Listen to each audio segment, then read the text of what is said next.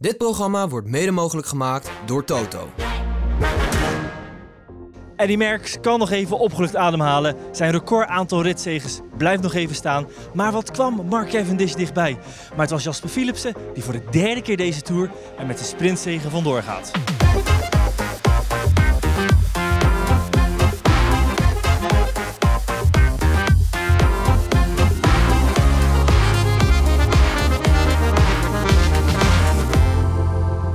Leuk dat je kijkt of luistert naar de Wielenflits Update vanuit Centrum Bordeaux, waar de derde sprintrit is geëindigd in een massasprint. En die was voor de derde keer nou, niet onbesproken hoe die verlopen is. Ja, de vlam van Ham heeft uh, weer raakgeschoten, maar toch was er weer iets aan de hand. Dus uh, Philipsen gaat nu, begint eigenlijk links te sprinten. Gaat dan opeens helemaal naar rechts, omdat Mark Cavendish daar zit. Het is toch wel een serieuze verandering van richting. Steekt de weg over en ja, hindert wel een beetje uh, Girmay uh, in, in zijn sprint. Girmay wordt weliswaar nog derde. Ja, het allerlaatste nieuws is waarvan we de uitkomst nog niet weten, maar wel een vermoeden hebben, is dat uh, Vinokourov protest heeft aangetekend. Disqualificatie van uh, Philips zou betekenen dat die recordzege van Eddy Merckx er wel aan is, want dan zou de zegen naar de nummer 2 gaan. En dat was Cavendish. Maar de kans dat dat gaat gebeuren, ja, is denk ik klein. Het, is, uh, ja. het was ook nog niet in volle sprint. Het was die, is zijn de eerste meters waarin Philips de tijd en niet op het einde, maar toch, het was ook weer niet onbespreekbaar. Ja. Derde ritzegen voor Philipsen. Ja, dus maar één man die hier zo de sprintkoning is en dat zij. Ja, ik, uh, ik denk dat ik moet gewoon heel, uh, heel hard mijn, mijn ploeg terug geloven. Uh, ze hebben weer echt fantastisch werk geleverd en ik heb nooit echt zotte inspanningen moeten leveren in de laatste kilometers. En ik denk dat dat wel echt het verschil maakt. En, ja, Søren kon echt zijn kracht kwijt. Jonas en Mathieu ook opnieuw. Dus ja, ik ben enorm fier op de ploeg dat we ja, op dit niveau die sprint zo naar hand, hand, kunnen zetten. En dat geeft ook wel vertrouwen voor de komende sprint. Als we deze sprint ontleden, dan hebben we natuurlijk het manoeuvre van Philips die opschuift. Maar ook wat daarvoor gebeurt. Hè. Het was, ja. Allereerst werd er gesproken over toch de nauwe straatjes hier zo in, in Bordeaux. Hè. Mike Teunissen zei nog treffend, 6 meter, dat voelde vandaag niet heel breed. Het was wel weer Van de Poel die uiteindelijk aan het langste eind trok wat betreft uh, de lead-out. Ja. Maar die stopte wel wat eerder dan we de ja, vorige keer zagen. Ja, het kwam, uh, het kwam te vroeg aan de kop en heb gewoon wat te trekken zoals ze hem zagen. Maar dan viel hij ja, stil, wil ik het niet zeggen, wil ik het niet noemen, want was een goede lead-out. Maar het was toch te vroeg en Philipsen moest even linkerbal even ja. vertragen, links-rechts kijken. Dus ja, een perfecte lead-out mogen we het nu niet noemen. Ja, was, uh, we deden het perfect, maar kwam misschien van iets te ver op kop, maar dat hadden we vooraf wel gezegd dat we gewoon ons ding gingen, laten, gingen doen. Uh, het enige lastige was dat ik niet echt de bordjes zag van hoeveel meter dat nog te gaan was. Dus ik had niet echt iets op mij op de focus. En ik was ook al best lang aan het sprinten toen ik uh, 3,50 zag staan. Dus dat uh, was wel uh, iets te lang. Maar ja, het grootste voordeel wat je kan doen is denk ik Jasper gewoon rustig houden die laatste 5 kilometer. En ik denk dat we hem weer perfect hebben afgezet en uh, hij maakt het ook weer perfect af. Ja, we zijn pas één week ver, maar die groene trui begint er wel al steeds beter en beter uit te zien voor uh, Philipsen. Al willen ze daar zelf nog een, niet uh, echt aan denken aan Parijs in het groen. Nee, Sinkeldam zei duidelijk, het is uh, week 1, er moet nog heel veel komen, dus ze zijn nog rustig. Die groene trui, is die nu binnen? nee, zeker niet. Nee. We gaan nog voor strijden. We hebben een week gedaan en we moeten er nog twee weken. En ja, hij heeft hem nu wel lekker in handen, maar dat is geen garantie, zeker niet. En inmiddels is duidelijk geworden dat het protest bij de jury is afgewezen. Van Vinokourov dus, uh, Philipsen blijft de winnaar. Um, over Kevin is even gesproken, want ja, die uh, kwam er in één keer uit op het moment dat, uh, Philips, of dat Van der Poel stilviel. Toen zag het moment schoon. En dat hij zijn snelheid nog wel heeft, dat liet hij nog maar zien. ja. Ik zei het al in de intro, Merckx kan nog even opgelucht ademhalen, maar met de kansen die nog komen gaan, ja. is het helemaal geen gekke dat het gaat gebeuren. Dat was ook wat Kees Bol zag, die hem perfect aan de lead-out uh, hielp. Bij het opdraaien van de boulevard kwam ik voor hem. Heb ik hem best wel een stukje kunnen brengen.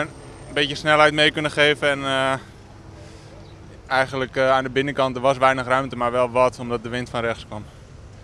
En toen ben ik eigenlijk op tijd weggestuurd dat hij, dat hij erdoor kon. Het was een beetje gekke sprinten met Van der Poel die aanging, maar te vroeg moest afgeven. Ja, dat heb ik niet gezien, dus dat kan ik niet even oordelen. Tweede plek voor Kev. Kijk je daar naar? Kijk je daarnaar? Eh, ja, aan de ene kant zuur dat, je zo, dat, we- dat we zo dichtbij zijn dat het niet lukt. Aan de andere kant eh, is het een goede uitslag. Maar vooral zuur nu. En de reden die Kevin is gaf dat hij het niet kon volhouden tot de finish is niet dat zijn benen vol liepen met eh, lactaat. Het was niet dat hij Nee. tekort aan snelheid eh, kwam, maar materiaalpech. Ja, schakelproblemen. Hij zei dat hij tussen de 11 en de 12 veel tijd zat te wisselen automatisch. Dus ja, ik zag Kevin dus ook vertrekken en dan direct toch een redelijk groot gat. Ik dacht, Ja. wat gebeurt er hier? Dus Wel heel ver weg nog. ja, ik denk niet dat hij het echt had gehaald, maar het was toch een spannende sprint geweest. En ja, Parijs, reken maar dat Kevin eh, daar gaat staan. Een beetje zoals hij dat deed eh, in de Giro. Ook wachten tot die allerlaatste kans toen uh, raak schieten. Goed, het sprintveld is hier wel een heel stukje beter gestoffeerd. Er zagen ook een aantal ja, mannen die we wel zouden verwachten die eh, ja, er niet in zaten. En dan Ja. met name is dan kijken naar Pedersen. Ja, dat was echt, als je de beelden opnieuw kijkt, dan zie je eigenlijk dat Pedersen best goed Ja. ziet in het wiel van eh Philipsen nota bene. En dan gaat hij naar de rechterkant Philipsen en Pedersen Er zit geen snelheid in. moet heel even remmen, maar het is pijnlijk bijna om te kijken. Het is, Ja. Hij wordt echt helemaal naar achter getrokken. Ja, dan heeft hij morgen wel weer een nieuwe kans eh, in een rit die hem misschien nog wel wat beter moeten liggen. Dit is toch echt op de macht, Ja. puur recht toe recht aan. Ehm, dan is er vooral kijken ook naar andere mannen, eh, waaronder Dylan Groenewegen, die vooraf hoopte gewoon eens een keertje aan het sprinten toe te komen. Dat gebeurde wel, maar verder dan een vijfde plek zat er vanwege alle chaos niet in. Ik heb wel gesprint, maar eh, ja, ik moest ook iets hard remmen, waardoor ik eh, ja, gewoon tekort kwam om nog te winnen. Zijn het dan net die paar procentjes die allemaal goed moeten vallen om te winnen in een Tour de France? Ja, het is wel dat het niveau wel dicht bij elkaar zit. Alleen Philips zit gewoon echt in een goede flow. Eh, de ploeg doet het gewoon heel goed van hem, maar ik denk dat mijn ploeg het ook heel goed doet. En ik hoop dat ik ze nog een keer kan belonen deze Tour. Vandaag tijdens de rit geen Jumbo-Visma gezien. Ook Wout van Aert nam eventjes een, eh, tussen aanhalingstekens, vrije dag. Die liet zich eh, in die finale al eh, uitbollen. Geen massasprint voor hem. Het was wel nog even de ochtend van Jumbo-Visma. Want natuurlijk, iedereen was nog even benieuwd. Hoe blikken zij terug op de dag van gisteren? Waarin ze weliswaar het geel pakten, maar ook tijd verloren op Pogacar. Alles ging goed voor Jumbo-Visma in de tweede Pyreneeënrit. Wout van Aert was meteen vertrokken in de vroege vlucht en nagenoeg iedereen werd gelost op de Tourmalet. Nagenoeg, want Tadej Pogacar zat strak in het wiel. Op de Côte en Basque werden de rollen zelfs omgedraaid en was het Pogacar die Jonas Vingegaard loste. Maar Vingegaard heeft wel het geel veroverd en staat nog altijd aan de leiding. Hoe kijkt bij Jumbo-Visma terug op die tumultueuze dag? Wij gingen het vragen. Ja, we hadden natuurlijk gehoopt op, eh, op, eh, op meer eh, wat betreft de rit. Maar eh, desalniettemin hebben we wel de gele trui. En eh, liggen we op schema met, eh, met ons grote doel om eh, in Parijs ook eh, geel te pakken. Alles leek perfect te lopen tot zeg 2,7 kilometer. Is dat ook de, de weg die jullie volgen? Ehm, ja, het zag er natuurlijk lange tijd goed uit. Ehm, maar goed, je bent zo sterk als je tegenstander toestaat. En eh, nou, onze grote concurrent uh, die was gisteren uh, ja, gewoon net wat sterker dan Jonas uh, op de slotklim. Er altijd pessimisten in de wereld, hè? maar ik denk, uh, nee, ik denk dat we niet mogen klagen. Dat we, ook, uh, dat we voor de Tour hiervoor hadden getekend.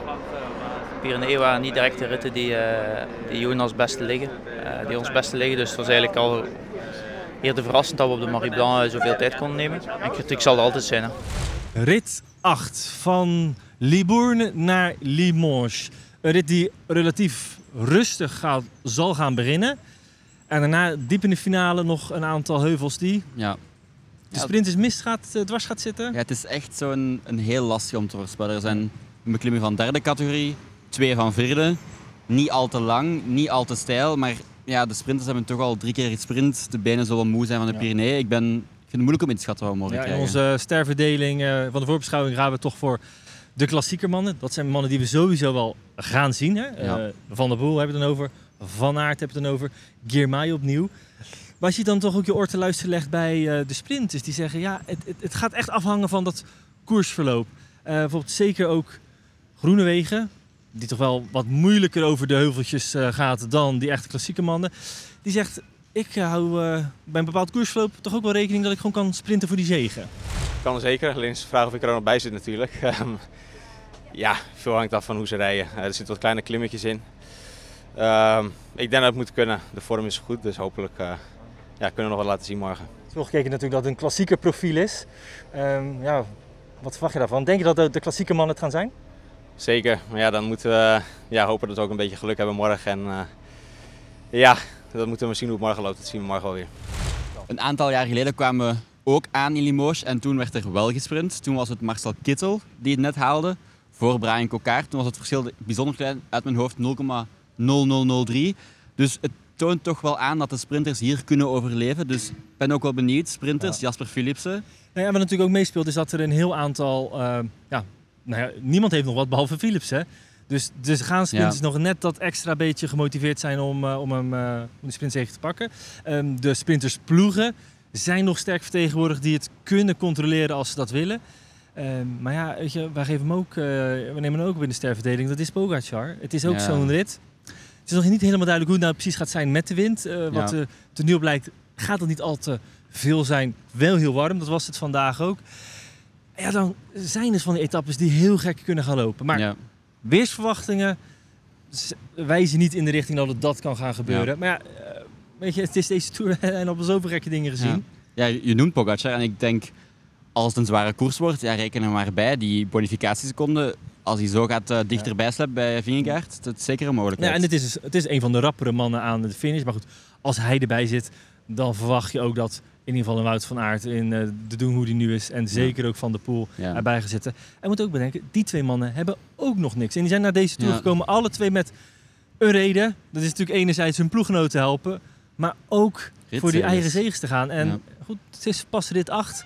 Maar heel veel kansen eh, voor dit soort type mannen zijn er niet in, eh, in dit soort etappes. Ja, en is wel in hun voordeel. Ze hebben al bewezen, allebei, dat ze de sprintsnelheid hebben. Van der Poel met zijn raket lead-outs, om het zo te zeggen. Ja. Van Aert een aantal vlakke sprints goed gedaan. Dus ze hebben de snelheid wel. Ja, Dus, en eh, Van der Poel, hij is zelfs ochtends aanwezig nog bij een opening van eh, een expositie over zijn opa eh Poulidor. Want zeg Limoges, dan zeg je Raymond Poulidor. ja. Ehm, ik geloof de dag daarna startte ze zelfs in eh, de, woonpla- of de voormalige woonplaats van zijn opa. Wel, zijn oma die woont er nog. Dus het is ook nog grond die hij kent vanuit eh, zijn jeugd. Een verhaal daarvan, eh, gemaakt door Jury, staat eh, inmiddels op de website. Dus ja, je weet, het is wielrennen. En wielrennen is een emotionele sport. Is ook met bijgeloof. Dat speelt allemaal mee. Ja, dat is dan allemaal nog wat extra's voor Ja. Van der Poel. Ook nog even een vetiver over hem. We zagen hem in het begin van de etappe van deze tour op een witte fiets rijden. De oplettende kijker ziet hem nu weer op zijn Bordeaux-rode fiets rijden. Ik vroeg van ja, wat is daar nou de reden achter? Nou, de reden is heel simpel. Hij heeft gewoon meer voor een iets fijner gevoel bij de Bordeaux-rode. Het zijn exact dezelfde fietsen, ander kleurtje. Maar hij houdt dus iets meer van Bordeaux-rood dan wit. Goed, bij Van der Poel wil je dit soort dingetjes weten. ja, tuurlijk. Ik ben ook wel heel benieuwd, echt wel heel benieuwd naar Van der Poel morgen. Wat gaat hij doen? Ik denk dat hij toch eens gaat aankloppen op de kamer van eh Philipsen straks. En toch eens Ja. gaat overleggen van, Ja. wat wordt ons plan? Ja, want met de manier hoe Philips rijdt, ehm, zit ook een beetje op het snijvlak van klassieke coureur. Hè. We hebben niet zo heel ver voor terug eh, naar dit voorjaar al dat we daar de contouren van zagen. Ehm, Er was ook een discussie bij ons van ja, hoort hij in die eh sterverdeling? Je zou bijna zeggen, na drie keer gewerkt te hebben voor eh, Philipsen, kan die rol wel eens omgedraaid gaan worden. Klopt, maar aan de andere kant, als er één sprinter is die moet kunnen overleven, dan is het Philipsen. En als hij overleeft, is hij de snelste. Dat heeft hij Ja. wel duidelijk gemaakt. Ja, het gaat vooral die eerste uren zijn die gaan bepalen ook hoe de wedstrijd zal gaan eindigen. Ik hou iets meer rekening met de klassieke crush. Puur omdat die nog allemaal eh, hun zegen moeten pakken. Maar ja, het heft daarvan, of in ieder geval eh, hun lot, ligt toch een beetje in de hand van de pure sprintploegen. Zeker. Die ook aangeschoten wild zien. Goed, dit was de Wielenflits update van vandaag. Dank voor het kijken, dank voor het luisteren. En graag eh, tot morgen. Dit programma werd mede mogelijk gemaakt door Toto.